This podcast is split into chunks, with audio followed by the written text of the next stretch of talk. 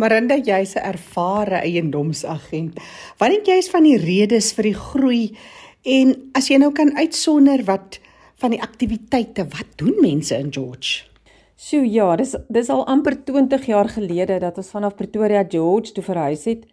Voorwaar net so 'n voorreg om in so 'n pragtige omgewing te kan woon. Ek moet sê, mense wat van elders verhuis het George toe, was op daardie stadium inkommers genoem En daar is 'n Facebook bladsy genoem Georgita staan saam. So ek kan nou regtig in murg en been en hart en wese sê ek is nou 'n ware Georgita. Wat sommer baie lekker is om te kan sê. Jy's heeltemal reg. Ek is 'n volstatus eienoomsagent waar ek ongeveer 10 jaar gelede by Remax Outeniqua aangesluit het en nog steeds baie gelukkig is. So ja, uit 'n eienoomsagent se oogpunt sou ek sê dat daar eintlik verskeie redes is waarom mense nog steeds hierheen immigreer as ek dit so in aanhalingstekens kan sê. George se ligging is net so spesiaal, waar dit lê aan die voete van die Outeniqua berge, omring deur natuurskoon, riviere, die see en so aan. Dit bied net so baie. Vir my persoonlik is daar niks lekkerder as om met 'n paar vriendinne sommer 'n laat middag na werk of oor 'n naweek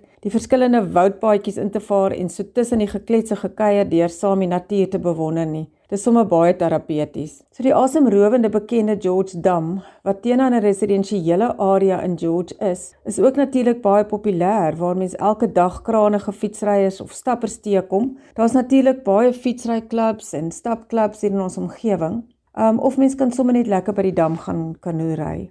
So met al die mooi natuur skoon saam, is George 'n dorp wat tog alles het wat 'n groot stad jou kan bied. Wat betref uitstekende skole en besighede ensovoorts en ek glo een van die beste munisipaliteite in die land het wat dienslewering en infrastruktuur betref ensovoorts. Daar is net so baie redes waarom George so in aanvraag is. Die lughawe is natuurlik 'n groot trekpleister aangesien daar baie mense is wat nog steeds elders werk en dan pendel om vir hulle gesinne die beste te kan bied hier. Alhoewel daar heelwat sekuriteitskomplekse is en ook bekende golflandgoedere hier in George is, kan ek met vrymoedigheid sê dat George nog 'n veilige plek is om in te woon, selfs in die gewone residensiële areas in die dorp, wat dan verseker ook 'n rol speel en vir inkommers aantreklik is. So Jackie, die kort en die lank is George met sy vriendelike mense is net 'n lieflike plek om te woon. Om die waarheid te sê, ons bly moeilik oor 'n naweek by die huis, want of 'n mens na Oudtshoorn se kant toe, Mosselbaai se kant toe of Wildernis Nys na se kant toe gaan vir 'n dagtrippie, oral is dit net asemrowend skoon en mooi om jou. Hoeveel mense is tans woonagtig in George? En as 'n mens kyk na die eiendom, wat groei in net die bloeitydperk is, wat van die infrastruktuur aanpassings, opgraderings dalk en natuurlik beïnvloed dit die natuur, die omgewing. Jackie, ja, daar's verseker groot veranderinge wat betref die infrastruktuur, paaie ensovoorts wat die afgelope paar jaar plaasgevind het vandat ons hier aangekom het om die groot invloeks van mense te akkommodeer.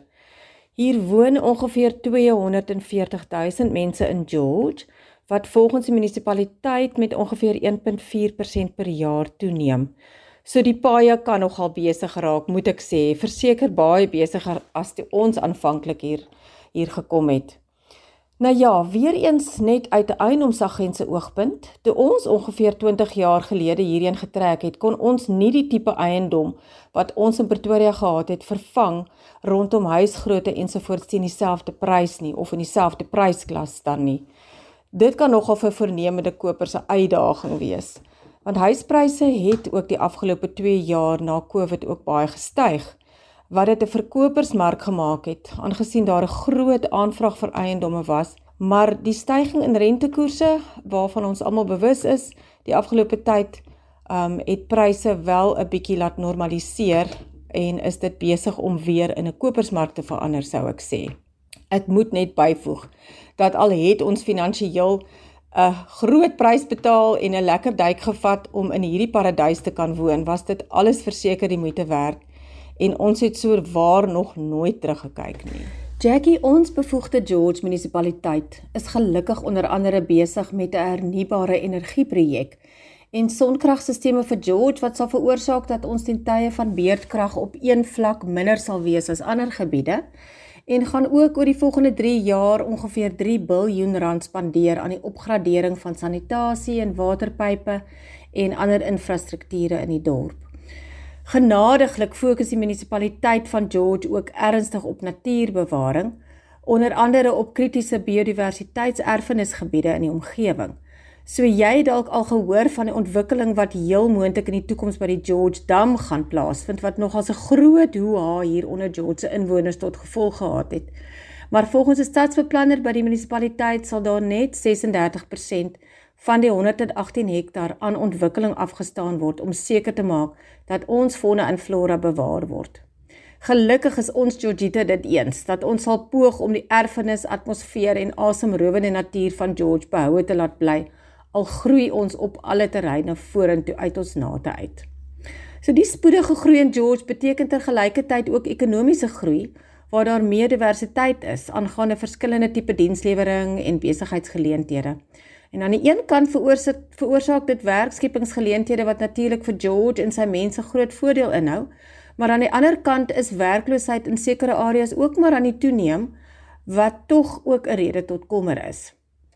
Daar is wel verskeie instansies wat hierdie hartseerstand van sake hanteer waar dit moontlik is. Wat sou jy sê is eie aan George?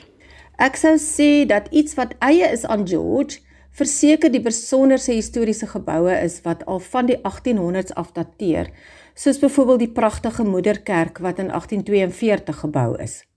George is die 6ste oudste dorp in die land wat sy ontstaan gekry het as die eerste Britse nedersetting en is vernoem na King George III. Vir die luisteraars wat dalk so kuiertjie beplan in ons omgewing, is die Montetjie Pas beslis iets wat ek sou aanbeveel om te beleef. Dis die eerste pad oor die Outeniqua berge tussen George en Oudtshoorn wat in 1884 deur ongeveer 250 gevangenes gebou is. Dis nog steeds grondpad met pragtig uitgekapte klipmuurtjies as keerwalle wat ongeveer so 17 km beloop met iets soos 126 draaie en kronkels so met die berg op. Regtig absoluut skilderagtig mooi.